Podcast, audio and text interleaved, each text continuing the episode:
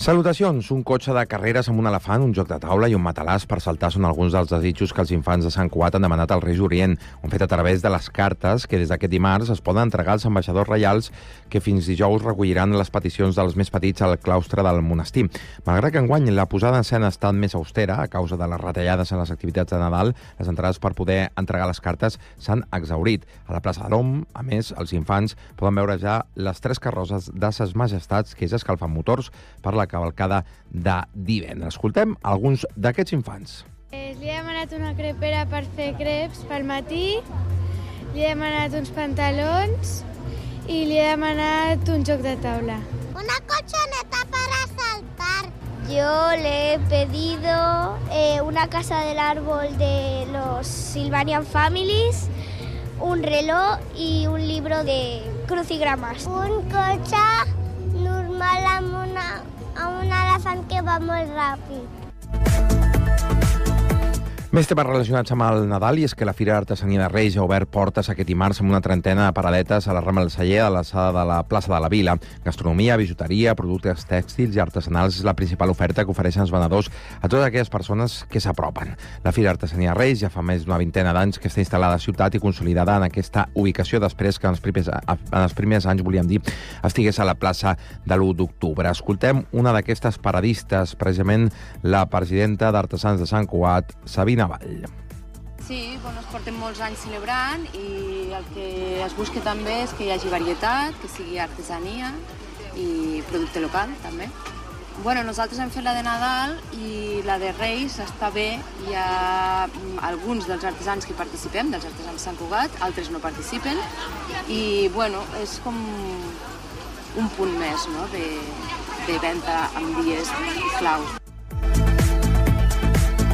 Més qüestions. El serial de l'escola La Mirada ha viscut alguns capítols més, però cap d'ells permet preveure com acabarà. Fins al setembre van passar poques coses rellevants i amb l'inici del nou curs el nou govern municipal, liderat per Junts, va posar sobre la taula per primer cop una alternativa on construir l'escola fora del bosc de Bullpalleres. Una alternativa, però, que no va agradar a la comunitat educativa de l'escola i que va acabar provocant una divisió entre els grups polítics i també entre els dos que formen el govern, Junts i Esquerra Republicana. Ni la primera sentència judicial a favor de la construcció al bosc va servir per recuperar el consens. Fins aquí la informació ens podeu seguir al Twitter, al Facebook, a quap.cat i en els diferents butlletins horaris. Cugat Mèdia, la informació de referència a Sant Cugat.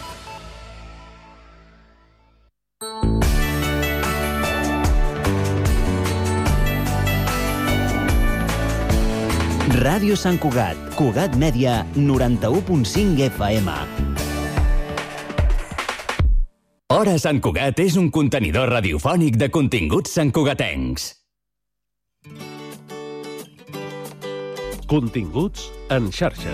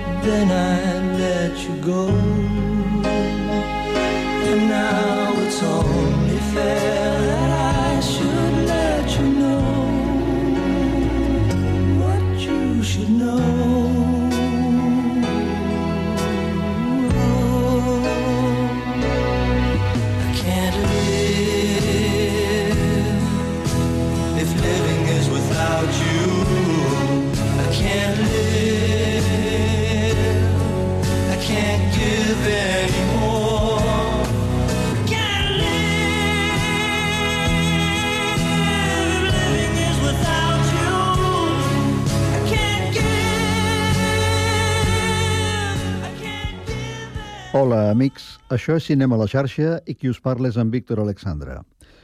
Avui hem obert el programa amb un estàndard dels anys 1970 que va compondre i cantar Nilsson i que va tenir un èxit espectacular. Però, però no és de Nilsson de qui parlarem avui, sinó de pel·lícules que expliquen una història que transcorre la nit de cap d'any, o pel·lícules que contenen una escena determinant aquella nit. Eh, I ho farem a través de les cançons de la seva banda sonora. Aquesta que hem escoltat, per exemple, Without You, Sense Tu, era una de les cançons que apareixien a la banda sonora del film El diari de Bridget Jones, de l'any 2001, eh, una pel·lícula basada en la novel·la de Helen Fielding, que, eh, com recordarem, va protagonitzar René Zellweger, Colin Firth i Hugh Grant, i que després va tenir diverses seqüeles. En aquesta pel·lícula hi ha una escena molt important durant la qual eh, dos dels tres protagonistes es reconcilien la mateixa nit de cap d'any. Eh, una altra pel·lícula, que podem situar en aquest mateix context, però encara amb més força, és L'aventura del Posidor, de l'any 1972, eh, ja que l'acció es desenvolupa precisament la nit de cap d'any a bord d'un transatlàntic. Els passatgers estan celebrant la festa eh, quan una onada gegantina provoca un accident en el vaixell i 10 dels passatgers, per no quedar atrapats a dins, opten per una solució molt arriscada, mentre que la resta del passatge s'estima més esperar un miracle. La banda sonora tenia una cançó cantada per Maureen McGovern, que va guanyar l'Oscar la millor cançó, i que durant dues setmanes del 1973 va ser la cançó més venuda als Estats Units. The Morning After, l'endemà.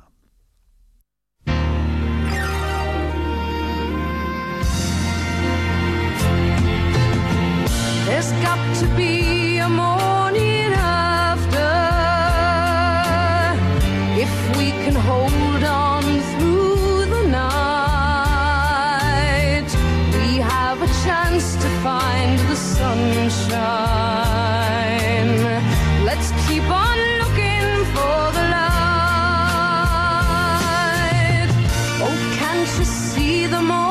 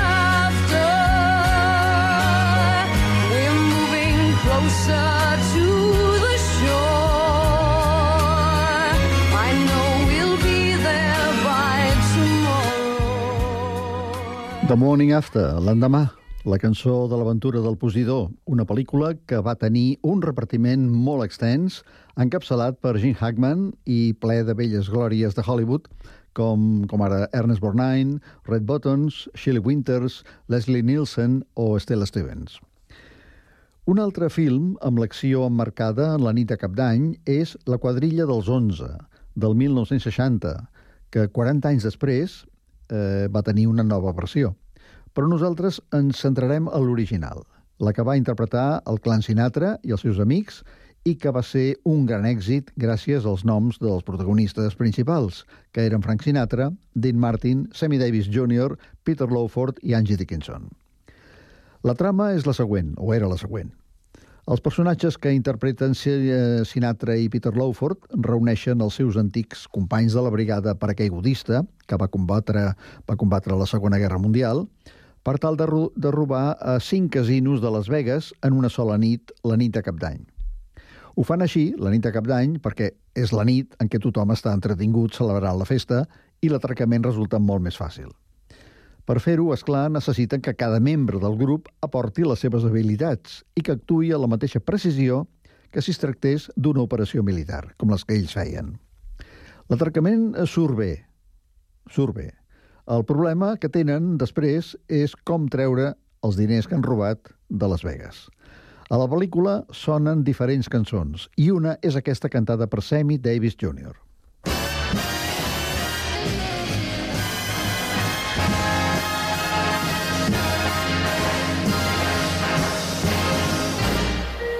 How lucky can one guy be? I kissed her and she kissed me. Like the fella once said, ain't that a kick in the head? The room was completely black.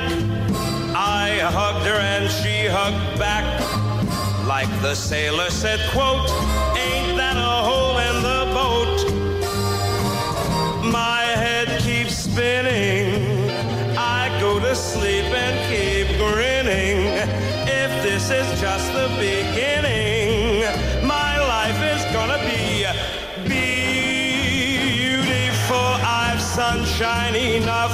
spread. It's just like that fella said.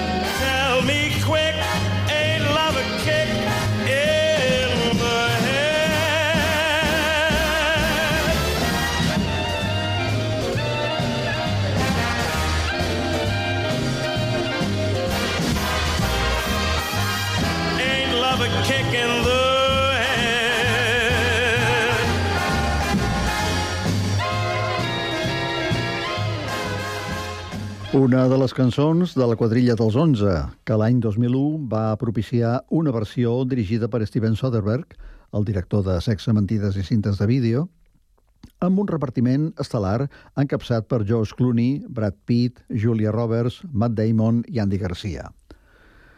Uh, aquesta versió va funcionar tan bé que se'n va fer una segona part, que, que es va dir Ocean's 12, dirigida pel mateix Steven Soderbergh i interpretada per alguns dels mateixos actors, però introduint-hi també el francès Vincent Cassel, l'anglès Albert Finney i la galesa um, Catherine Zeta-Jones. I bé, ara, per tancar aquest cinema a la xarxa, que ha tingut Pablo Palenzuela a les vies de so i que hem dedicat a pel·lícules que han situat la seva trama a la nit de cap d'any, escoltarem una de les cançons que formen part de la banda sonora d'un film que es diu així, La nit de cap d'any. És un film de l'any 2011 de Gary Marshall, el director de Pretty Woman, i que se centra concretament en aquesta data, la nit de cap d'any. Presenta un munt d'històries i en la majoria hi trobem actors i actrius coneguts com, com Robert De Niro, Michelle Pfeiffer, eh, Halle Berry, Jessica Biel eh, o Hilary Swank. La cançó en qüestió segur que la coneixeu, segur, perquè és la que sona sempre en els països anglosaxons just en el moment en què els rellotges marquen les 12 de la nit. S'apaguen els llums i les parelles es fan un petó. La cançó es diu Old Lang Syne, pels vells temps, i diu això. Hauríem d'oblidar els vells amics i no recordar-los mai més? Pels vells temps, estimada, pels vells temps. Compartirem una copa fraterna pels vells temps. Tu prendràs la teva copa i jo prendré la meva. I plegats compartirem una copa fraterna pels vells temps. Tots dos hem recorregut vessants de les muntanyes i hem recollit boniques margarides caminant errants amb els peus cansats des de fa molt de temps. Pels vells temps, estimada. Compartirem una copa fraterna pels vells temps. Que tingueu un bon 2024, amics. and never brought to mind.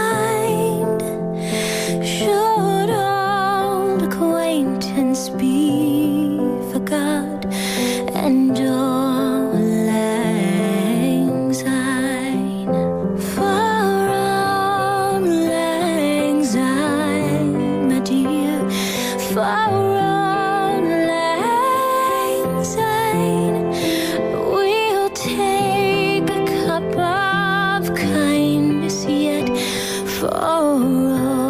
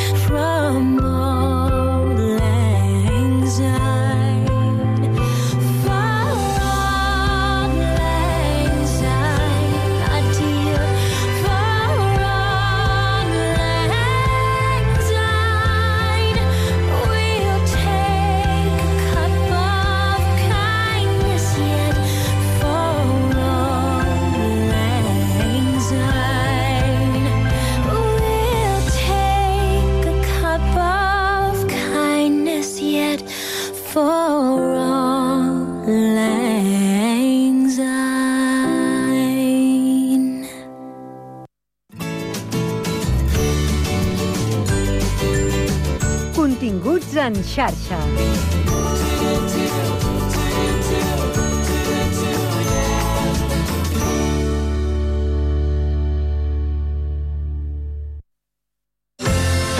Ja tens Sant Cugat a la butxaca? La targeta de punts de més de 80 botigues de Sant Cugat. Si no és així, sol·licita-la a les botigues adherides i aconsegueix un munt d'avantatges. Descomptes, obsequis, promocions especials, barrets de la nit en blanc i... No ens podem allargar tant. Consulta www.santcugatalabutxaca.cat. Ara també utilitza la teva targeta al Mercat de Torreblanca.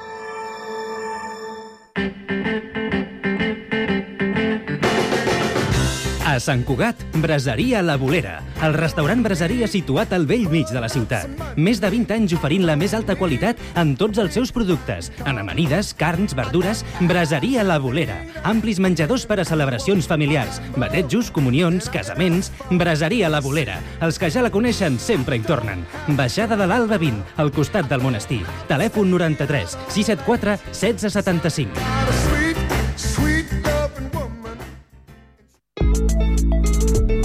Estrenem l'APP del Picalletres. Paraules i jocs lingüístics per a tothom. Descarregueu-vos l'APP a Google Play o a l'App Store i comenceu a jugar. Cocodril Club. Si t'agrada la bona música dels anys 60, 70, 80, escolta Ràdio Sant Cugat els divendres a la nit de 10 a 12. És el temps del Cocodril Club, tot un clàssic de la ràdio. Recorda, divendres, de 22 a 24 hores, a Ràdio Sant Cugat, 91.5 FM. Cocodril Club, el programa revival de l'Albert Malla. Hasta luego, cocodrilo. No pasaste de caimán.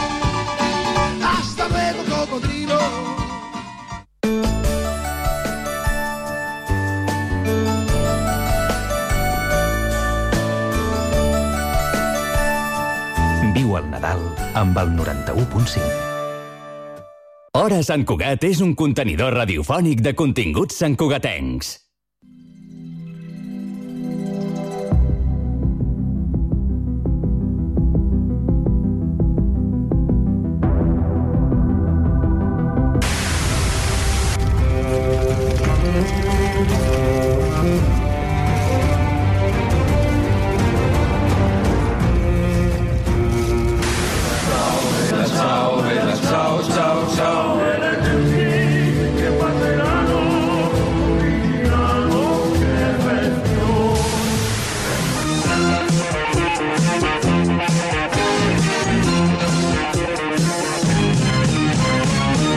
Encetem una nova entrega de l'Això en sèrie, l'espai de sèries du a Ullell de Ràdio. Sergi Guiu, on som? Molt bones. Hola. Molt bones. I avui fem un repàs al nostre 2023 seriàfil perquè acomiadem l'any doncs, recomanant, d'alguna manera, o, o desrecomanant, no ho sé, les sèries que més ens han agradat i que hem vist durant aquest 2023. Així que, si us sembla, comencem amb aquest repàs eh, amb una sèrie que ens recomana el Sergi Guiu.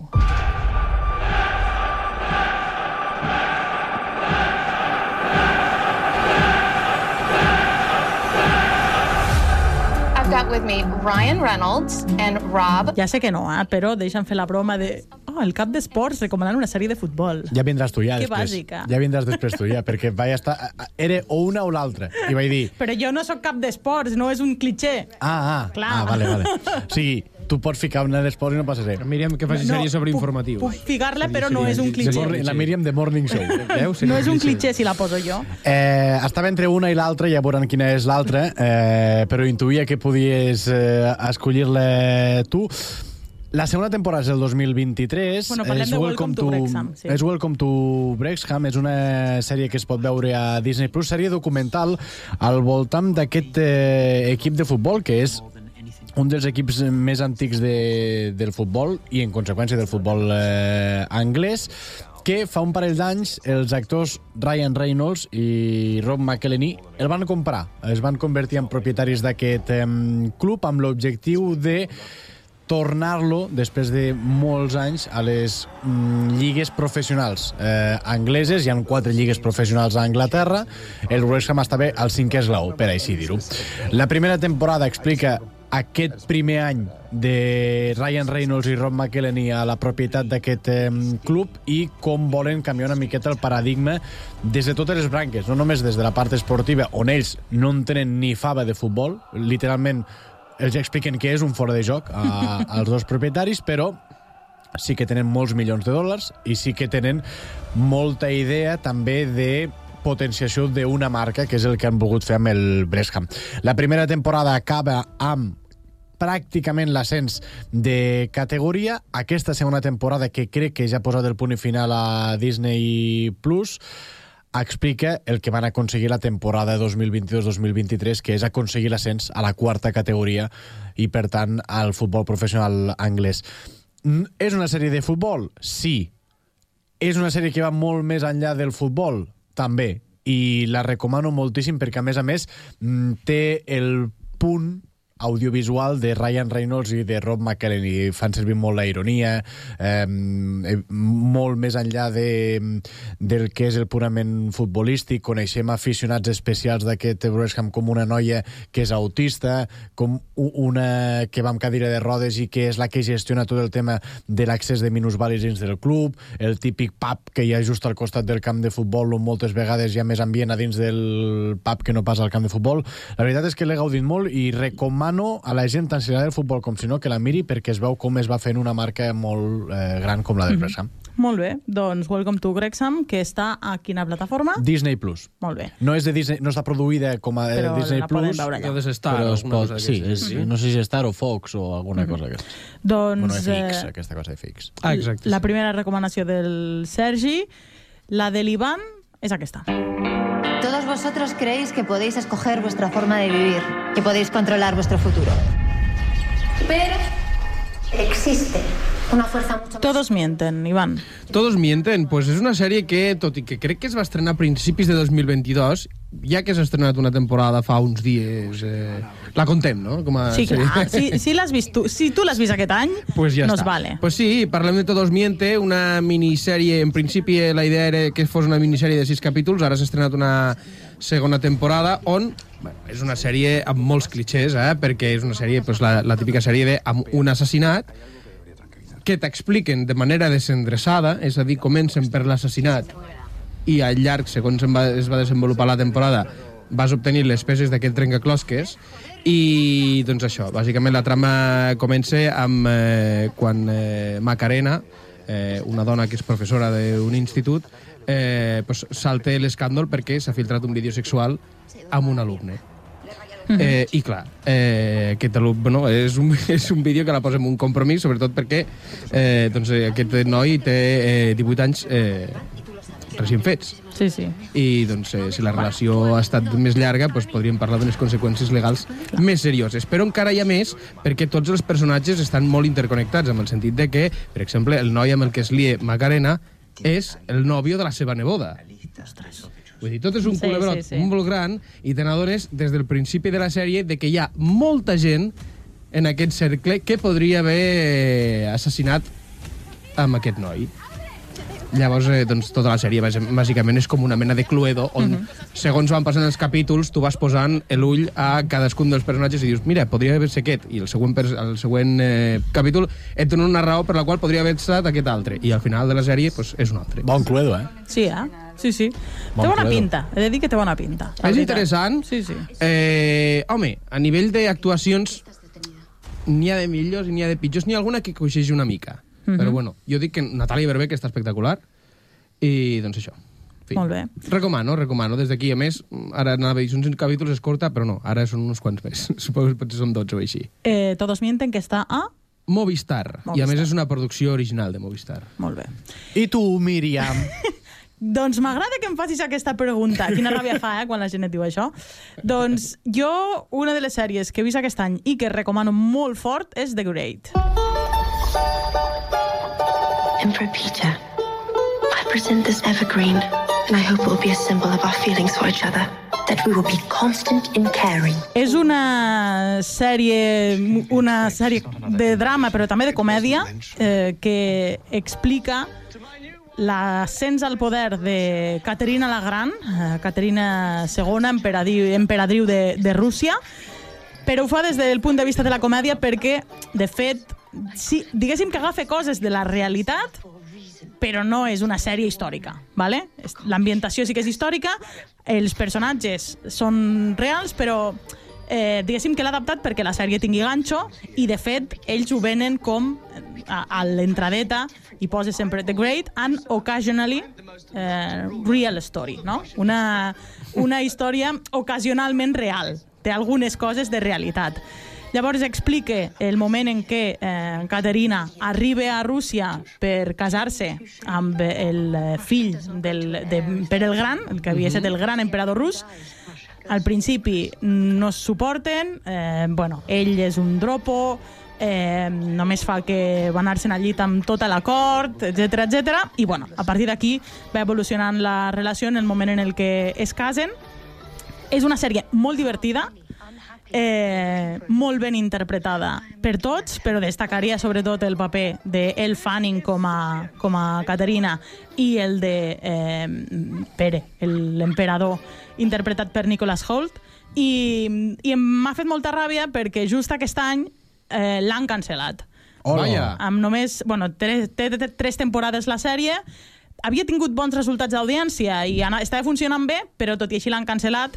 No sé si perquè els actors no estaven al cas, si perquè era una sèrie molt cara, perquè l'ambientació és una passada, Mm, però en qualsevol cas eh, l'han cancel·lat. eh, Però tot i això la recomano molt perquè el final sí que no, no és un final absolutament tancat, o sigui, es veu que no estava volen previst eh, que fos l'últim, però tampoc et, et deixa com amb Ah, ganes bé, de saber bé. més, no? Està bé, està o sigui, bé, està bé. podria ser un, un final definitiu eh, i per això també la, la recomano. La poden trobar a Amazon Prime, són tres, tres temporades de 10 capítols cada temporada, vull dir que tampoc és molt llarga, Mhm. i, i m'ha agradat molt. Per a mi és la gran descoberta de l'any. Per cert, que sapigueu que per, per primera vegada, ara que deies això de la cancel·lació i no sabia si havia funcionat bé i tal, com a mínim Netflix, i eh, com una de les exigències que van posar els guionistes eh, a l'hora d'acabar la vaga, mostrarà les audiències, de fet ja les estan començant a mostrar, mostrarà les audiències de les seves sèries, les faran públiques. Molt bé. Per Qui això saber Netflix com a mínim, de, Ah. de moment. Suposo que serà una tendència que s'estirarà a les altres. I és curiós com es mesuren aquestes audiències perquè es mesuren en hores de visualització. Ostres, clar. Això vol dir... O sigui, bueno, potser vol dir que una persona ha vist Friends en bucle durant tot l'any. Exacte. Pobre persona, pues. Pues, No, home. Pues tampoc fa falta que em diguis aquestes coses Home, tan són, lletges, són Sergi. 200 i pico capítols, vull dir, no crec que se les repeteixi més de dues vegades l'any, no? Bueno, te'l te prendries. Ja, deu haver molt fan de Friends eh, boig. Sí, sí, som. Va, seguim, que si no, no ens donarà temps... Vinga, va. de fet, no Sempre ens, mateix. no ens donarà temps de repassar totes les recomanacions Jo que us he fem. posat una de menys perquè... Clar. Gràcies, Ivan. Eh, Sergi, Hola. la luz que no puedes ver. Interruptor de radio. Damas y caballeros. Se encienden luces en el equipo. En una calle, un bastón blanco. Aquesta te la va recomanar la d'això en sèrie, eh? Aquesta me la va recomanar una això en sèrie. Ah. Un estrenes. Sí, sí. Mark Ruffalo eh, també surt, eh, ara me, ho tinc aquí a Hugh Glory, el House, House. i la protagonista, que no l'havia vist mai a cap eh, contingut audiovisual, que és Aria Mia. Està explicant la història a la Segona Guerra Mundial de Mary Lord, una noia cega, i del seu pare, que és Mark em, Ruffalo, el seu tiet, és eh, Hugh Glory, com han de sortir d'aquesta París eh, amb els nazis amunt i avall de la capital eh, francesa un pare i una filla que en el seu moment surten amb un diamant eh, que té una llegenda darrere, te la pots creure o no, típic diamant que dona la vida, la vida eterna, i està espectacular, aquesta minissèrie. No sé si són 3 o 4 capítols. M'ha semblat una sèrie fantàstica. A més a més, recordo molt quan la vaig veure, que és amb un desplaçament a Formentera del, de Lleida, i la veritat és que em va agradar molt com actuen Mark Ruffalo i Hugh Laurie, com ho fa la protagonista, com treballen amb els flashbacks, perquè la història del pare eh, està basada en, en flashbacks, i com d'important era la ràdio en aquella època per comunicar-te, també per mantenir l'esperança de viure i de voler seguir vivint i com una noia cega eh, és capaç de fer unes coses espectaculars. També surt el Lois Hoffman, que és el prota de Dark. Mm. Aquell Ah, noi rosset sí, sí, sí. fa de nazi, però per dir-ho d'alguna manera és un, que se mantengui, és un Nazi nazi bo. bo, vale. Sí, senyor, sí, senyor. Eh, està molt bé, i si teniu quatre horetes o quatre horetes i mitja, eh, no cal que la mireu de cop, però, ostres, us la recomano moltíssim, aquesta Mhm. sèrie. Bueno, una Doncs- tarda de cap de setmana, això t'ho remates Sí, ràpid, tant, eh? i més ara a les festes.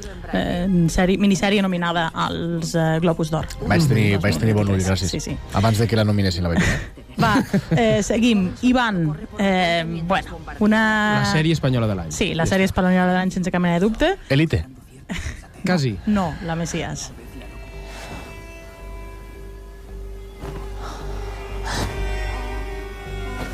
La sèrie espanyola de l'any, que no té el tràiler més actiu de l'any. Això No. també estarem No, és que té moments que no són gaire La actius. sèrie té el seu ritme, eh? Té Vale. alguns capítols que es deixen anar i té d'altres que són molt curts. Però bueno, bueno, molt curts, molt curts tampoc, però hi ha algun crec que és de 40. A un n'hi ha, sí. Bé, eh, doncs eh, la Messias, eh, la Messias explica la història una mica basada en la, eh, Flors les Mariae. flors Mariae eh, i una mica l, l, tot lo turbio que hi ha darrere de tot això i la seva família, tot i que amb molt, eh, molta ficció i, bueno, és una, factura, és una sèrie amb una factura tècnica impecable, això és Sí. el que més destaco d'aquesta sèrie. Eh, vivim di diferents èpoques dins de, de la pròpia sèrie i aquestes diferents èpoques estan representades amb diferents mitjans tècnics. Per exemple, el passat està rodat amb cinta analògica amb 16 mil·límetres, el futur està gravat amb càmeres digitals amb màxima qualitat. Eh, la banda sonora és super, super bona, és super xula, Eh, I bé, les actuacions són totes eh, totalment creïbles i superorgàniques des dels nens més petits fins a les actrius eh, que ja tenen més bagatge i més d'allò. És que tampoc vull dir gaire per no, molt, fer, no, no, no fer gaires spoilers. Molt actor i actriu eh, novell, que no són professionals. Els, lo dels nens és una barbaritat. Sí, els secundaris grans... És a dir, Albert Pla no, eh? Albert Pla m'a- m'agrada. Però els secundaris, secundaris, secundaris grans jo crec que són bastant fluixos. Eh, amb alguna conversa amb un bar, alguna, Sí, entenc que a estem parlant del primer capítol, sobretot. Amb, Hi ha, amb hi ha actuacions de, de, de extras, per dir-ho d'alguna manera, però que tenen frase que, ostres, et talla una miqueta la qualitat que mm, tenen Macarena García no la cal descobrir Ana Rujas és espectacular o sigui, les que fan... jo encara no he arribat a Carmen Maura Machi. Machi, encara no hi he arribat però la veritat és que està bé, m'està agradant també aquesta sèrie. Eh, És, és, és, és, és Javis, original. Sí, total, total. És total. original.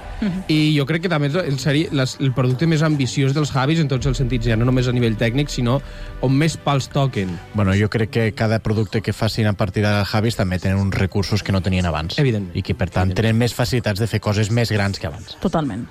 També tenen més facilitats per cagar-la. Sí, Evidentment. Perquè també hi ha, tenen un llistó Sí, sí. Molt, molt elevat, però jo crec que ells han estat guanyant eh, ara ja que el llistó estigui molt amunt. És bueno, el que hi ha. doncs això, eh, una sèrie de drama eh, que té fins i tot algun, te diria, algun punt de terror, algun recurs...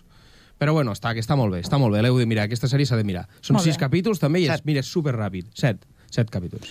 Molt bé, doncs La Messias, eh, com deia l'Ivan, la sèrie espanyola de l'any sense cap mena de dubte. Després d'Elite. I jo recomano una sèrie que ni s'ha estrenat aquest any ni res per l'estil, però jo l'estic mirant aquest any i... Però jo vaig dir que podíem fer el que Jo he volguéssim. fet el mateix amb Todos Mienten. Jo Va ser res. He dit que podíem fer el que volguéssim, i ja està. El que passa que tu ets un maniàtic. Eh, Que fort. Parks and Recreation. Hello, I'm Leslie Knope from the Pawnee, Indiana.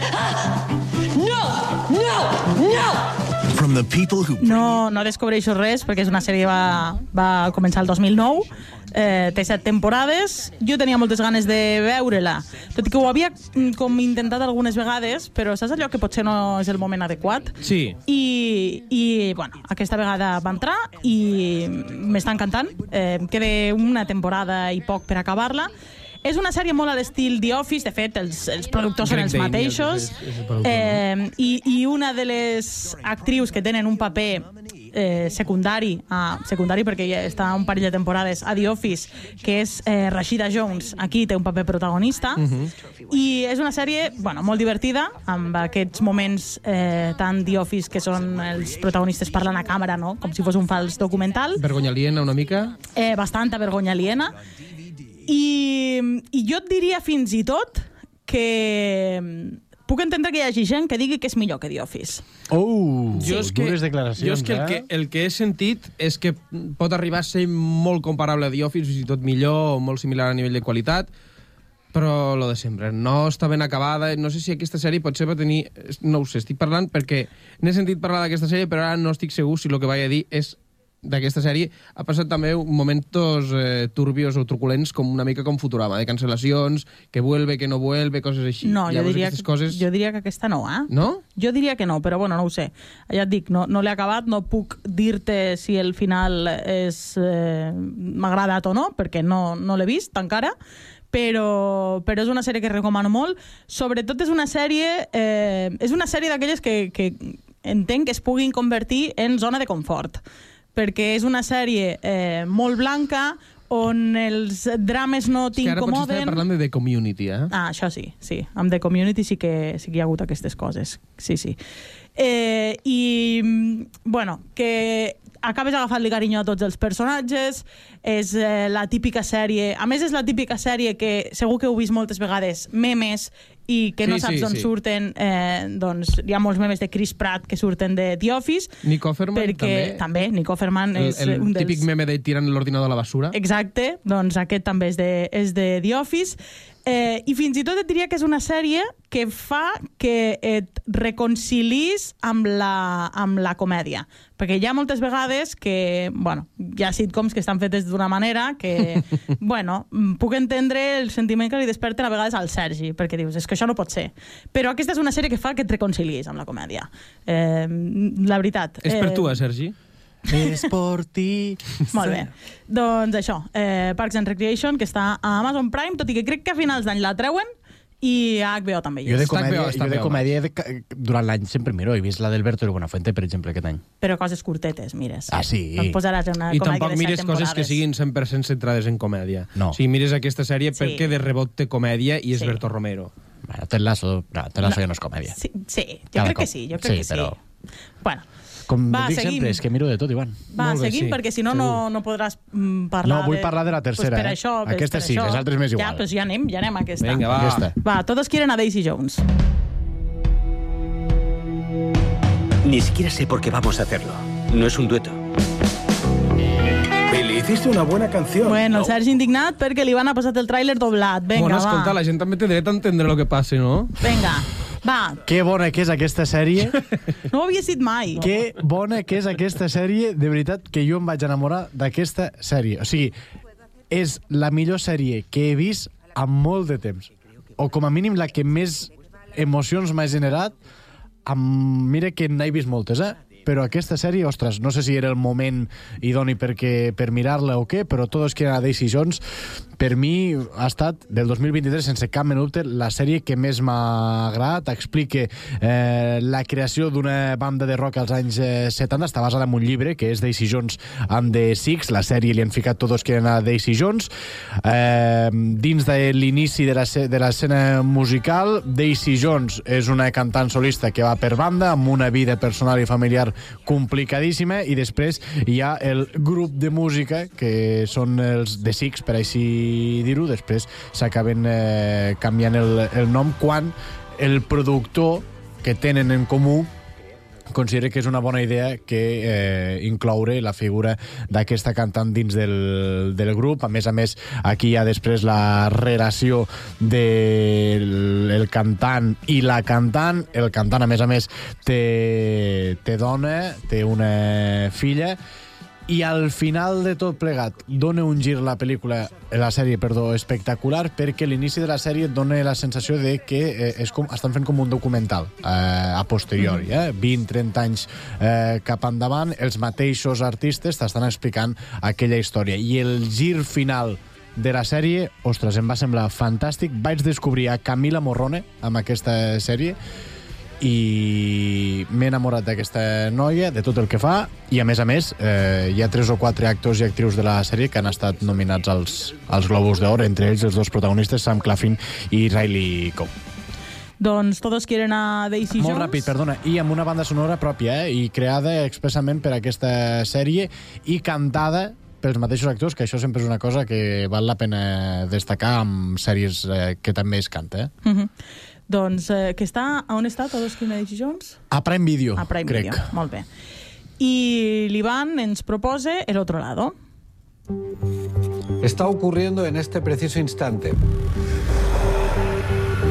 Hoy les presento en exclusiva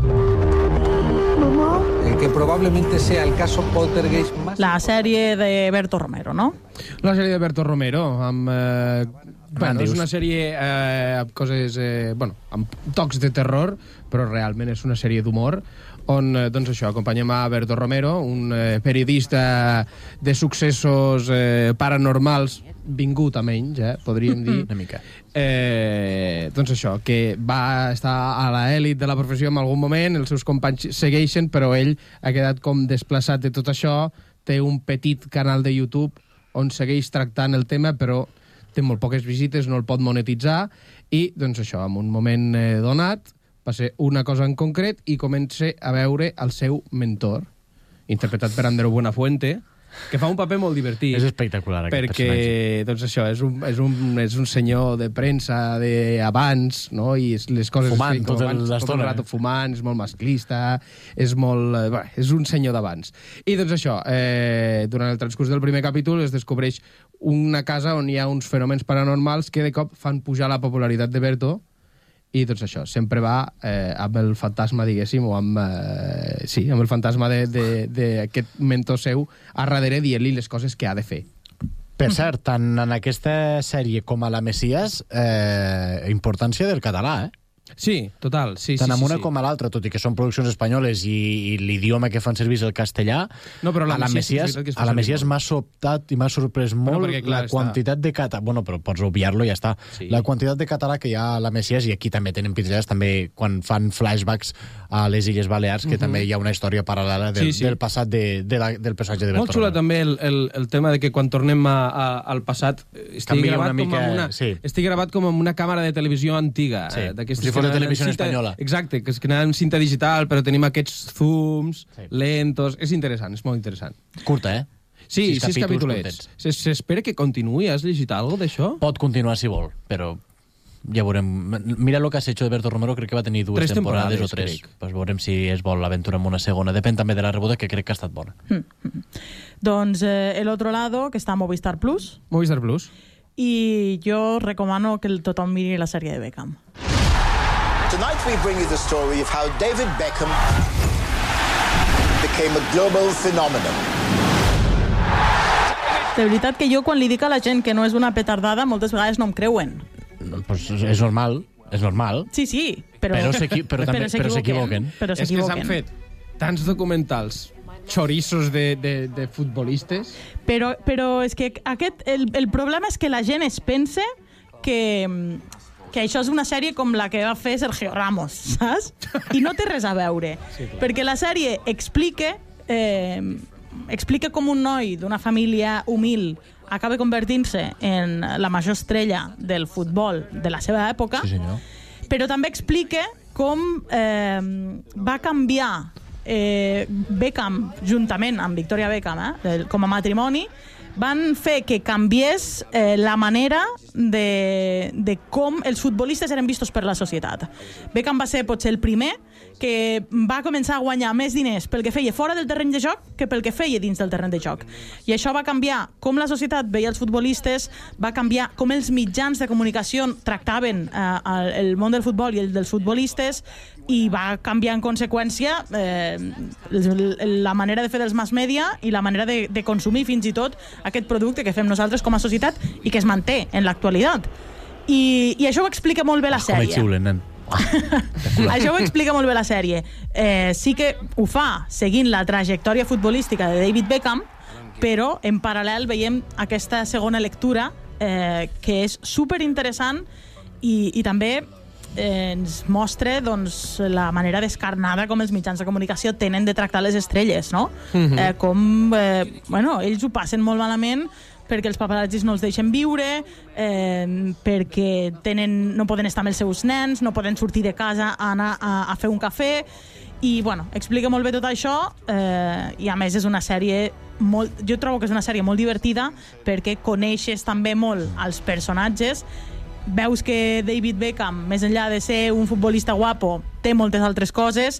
És un tio eh, que bueno, utilitza molt la ironia també humanitza una mica fins i tot a Victoria Beckham Ordena la roba per colors. que jo, bueno, és perquè té un toc terrible, o sigui, però més diagnosticat, és, és, Ordena és obsessiu de l'ordre. Li encanta la neteja. Sí, sí, es deixa preparar... Però és molt xulo, això d'endreçar la, la, la roba com si fos un, un art de Sant Martí, Bueno, no? si tu pots permetre... Clar. No, però el seu és maniàtic. O sigui, ell es prepara tota la roba de la setmana, se la deixa preparada eh, Sí. per tenir-la ja, saps? Vull dir... és- Sense cap mena de dubte, dins de l'audiovisual esportiu, també ficaria eh, Welcome to Wrexham, però són dos produccions top d'aquest 2023 sí.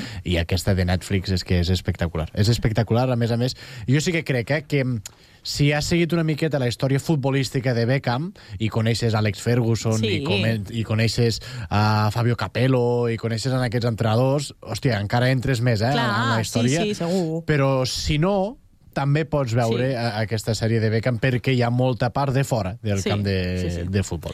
Nois, ho hem de deixar aquí. No Vale. poden Res. fer recomanacions, vale? Molt bé. Eh, però amb això ja tenen per anar fent. Pels, ja tant, tenen sí, per començar sí. el Bueno, 2024. Totes sèries curtes, eh, per això. Bueno, Parks and Sí, Recreation, però... tenen, Perquè és el que se porta ara, Ivan. La gent no té temps, la gent vol coses curtes. Això és veritat, això A la societat en general. Va, nois, ho deixem aquí, que vagi Adeu. bé. Adeu, adeu. Fins aquí l'Això en sèrie. L'espai de sèries du a Lleida Ràdio.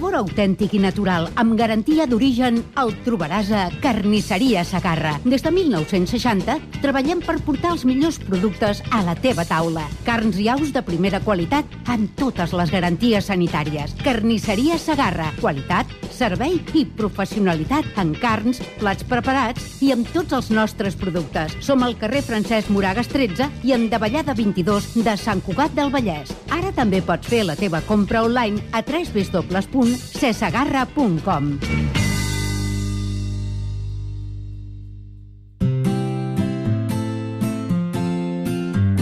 Aquest Nadal confia els teus àpats a Teca Sàbat, plats preparats amb productes frescos i de primera qualitat. Des dels plats de tradició nadalenca fins als més elaborats amb una àmplia gamma on triar el que més s'adapta als teus gustos. Sorprèn els teus i gaudeix del plaer de convidar i no cuinar amb Teca Sàbat. Teca Sàbat. Ens trobaràs a la Rambla Ribatallada número 26, al passeig Francesc Macià 87, I a un clic a tecasàbat.com.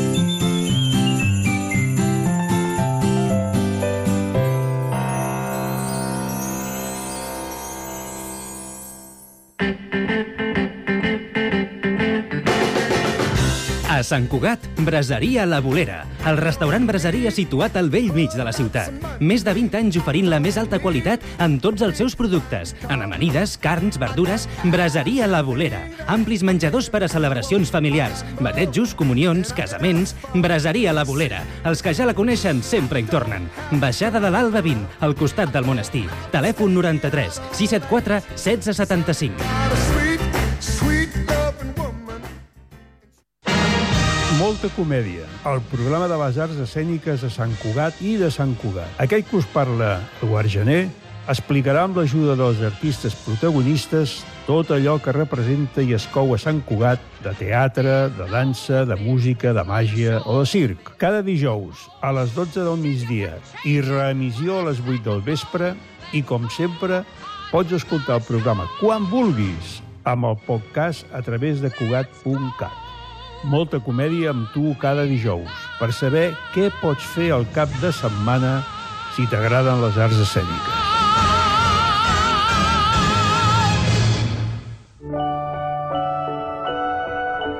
Viu el Nadal amb nosaltres. Cugat Mèdia.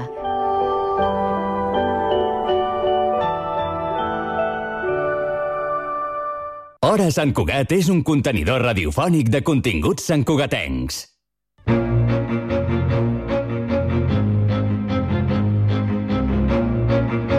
I a Roda de Barà Ràdio encetem de cine amb Antonio Barrero. Molt benvingut, Antonio, com estàs? Què tal? Molt bé, gràcies. Doncs nosaltres amb ganes de parlar de cinema, com sempre. Doncs vinga, som-hi. Esperant aquest moment per conèixer molt més sobre aquest apassionant món eh, d'aquest art que és el cinema. Doncs sí, sí. Doncs avui vull comentar l'experiència que m'ha suposat veure per segon cop a la pantalla gran la gran pel·lícula La Societat de la Nieve. L'he vist dos cops. Habitualment no repeteixo pel·lícules, mm -hmm. Però aquest cop tenia moltes ganes de tornar a veure per reviure coses que em van quedar pendents. Però abans de parlar de la pel·lícula, voldria fer un recorregut, un breu recorregut per la filmografia més rellevant d'aquest jove director català que és Juan Antonio García Bayona, Juan Antonio Bayona, J. Bayona o senzillament J. Molt bé. Bayona va néixer a Barcelona l'any 1975, per tant té 48 anys, és un, és un cadell. Fill de pares andalusos, va, néixer al, perdó, va créixer al barri de la Trinitat Vella. Té un germà bessó, Carlos García Bayona, a més a més s'hi assemblen molt físicament, i quan tenia 19 anys va conèixer el Festival de Cinema de Sitges, al que ell mateix reconeix que és el seu mestre, a Guillermo del Toro, que estava en aquella ocasió, era l'any 93, presentant la seva producció La invenció de Cronos. Després d'estudiar periodisme, es va formar a l'ESCAC de Terrassa, on va cursar l'especialitat de direcció i va començar la seva carrera com a director de videoclips i anuncis de televisió, que en va fer un fotimer.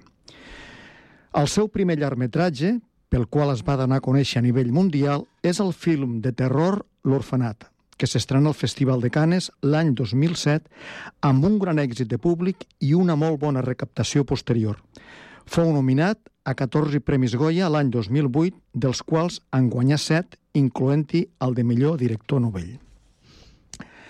El seu segon llargmetratge, el film de catàstrofes L'Impossible, protagonitzat per Tom Holland, Evan McGregor i Naomi Watts, i ambientat en el tsunami de l'oceà Índic de l'any 2004, fou nominat a 14 Premis Goya, dels quals en va guanyar 5, incloent-hi el de millor director. Watts, l'actriu, també fou nominada al Globus d'Or a la millor actriu dramàtica i a l'Oscar a la millor actriu. Va ser un altre èxit de crítica i comercial per un tema plantejat amb grans dosis de sensibilitat.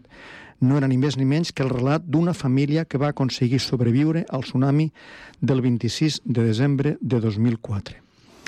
No fa pel·lícules qualsevol, eh? No, no es posa amb temes menors, No. ni Mhm. entra a fons amb temes realment complexos i, i no té molta filmografia, però la No, que no. té, déu-n'hi-do, és, és important. Sí. Tant és així que el 2013, per exemple, ja va rebre el Premi Nacional de Cinematografia en el marc de la 61a edició del Festival Internacional de Cinema de Donòstia. El 2014 va realitzar també els dos primers episodis de l'aclamada sèrie fantàstica Penny Dreadful, que es va crear, la va crear John Logan. El seu tercer llargmetratge va ser Un monstre amb bé a veure, l'any 2016. És una coproducció hispano-britànica-nord-americana de fantasia basada en la novel·la del mateix títol de Patrick Ness, eh, que també va escriure el guió, va coescriure el guió amb ell. El rodatge es va iniciar al Regne Unit i va finalitzar a Terrassa. El film va rebre nou premis Goya, inclòs també el de millor director. La productora Universal Pictures va fer públic que ell seria el realitzador de la continuació de l'enorme èxit del 2015 Jurassic World. Va ser el productor Steven Spielberg, ell personalment, qui va, el va proposar com a director d'aquesta continuació de la saga. Jurassic World, es deia la pel·lícula El regne caigut, eh, el va escriure Colin Trevorrow i Derek Connolly i es va estrenar a l'estiu de 2018. Va comptar amb un pressupost atenció, de 260 milions de dòlars. 260 milions de dòlars. Que havia estat dit. I tant. El 2017 produeix El secret de Marragón, l'òpera prima de Sergio G. Sánchez, que de fet és el seu guionista de capçalera. Li ha fet molts guions o coguions.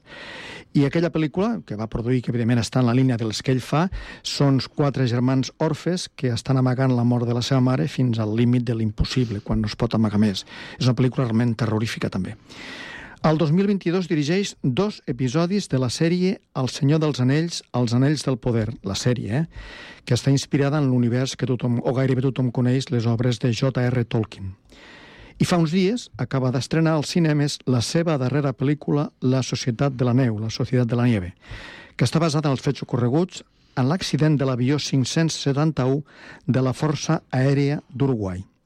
La pel·lícula es pot veure als cinemes fins al proper dia 4 de gener de 2024, data en què Netflix l'emetrà en exclusiva a través de la seva plataforma. Déu-n'hi-do. Déu-n'hi-do. Poques pel·lis, però intenses i importants. Mm -hmm. eh, I com us deia, abans de parlar, però, de la Societat de la Nieve, voldria fer un repàs breu del cronològic de les seves pel·lícules anteriors. Perfecte. I comencem amb l'Orfanat de l'any 2017. L'Orfanat és el debut de Bayona en el món del llargmetratge, amb la producció, que ja he, com ja he comentat, la producció executiva del director mexicà Guillermo del Toro. És una excel·lent pel·lícula de terror i intriga que explica les vivències de Laura, que s'instal·la amb la seva família a l'orfanat on ella va créixer de nena amb el propòsit d'obrir una residència per a nens discapacitats. L'ambient del vell casalot desperta la imaginació del seu fill, que es comença a deixar arrossegar per la fantasia. Els jocs del nen cada cop neguitegen més la Laura, que comença a sospitar que a la, a la casa hi ha alguna cosa inexplicable que amenaça la seva família. Es tracta d'un impressionant conte gòtic de fantasmes amb escenes de terror molt aconseguides, com per exemple la, la de la Laura, que és l'actriu, la, la gran actriu Belén Rueda, quan està jugant a l'1, 2, 3, toca paret o pica paret. Perquè no es tracta només de crear ensurts o d'impactar amb un bany de sang violent, sinó de construir de mica en mica aquesta tensió per a que l'espectador tingui la sensació que alguna cosa encara està per arribar. Amb escenes plenes de detalls, uns plans ben construïts i una escenografia capaç de crear l'escenari perfecte, el suspens està present constantment. Fins i tot els sons acaben de complementar aquesta atmosfera inquietant i terrorífica que destila tota la pel·lícula. Si no l'heu vist, mm, busqueu-la perquè realment la pel·lícula fa uns girs que si no s'has d'acabar mm, arribes al final realment descol·locat. Es una casa preciosa. ¿Cómo dieron con ella? Yo me crié aquí. Esto era un pequeño orfanato. Siempre quiso volver, así que se nos ocurrió la idea de la residencia. Todo va a muy bien. Cuando vivías aquí de niño, ¿no tenías miedo?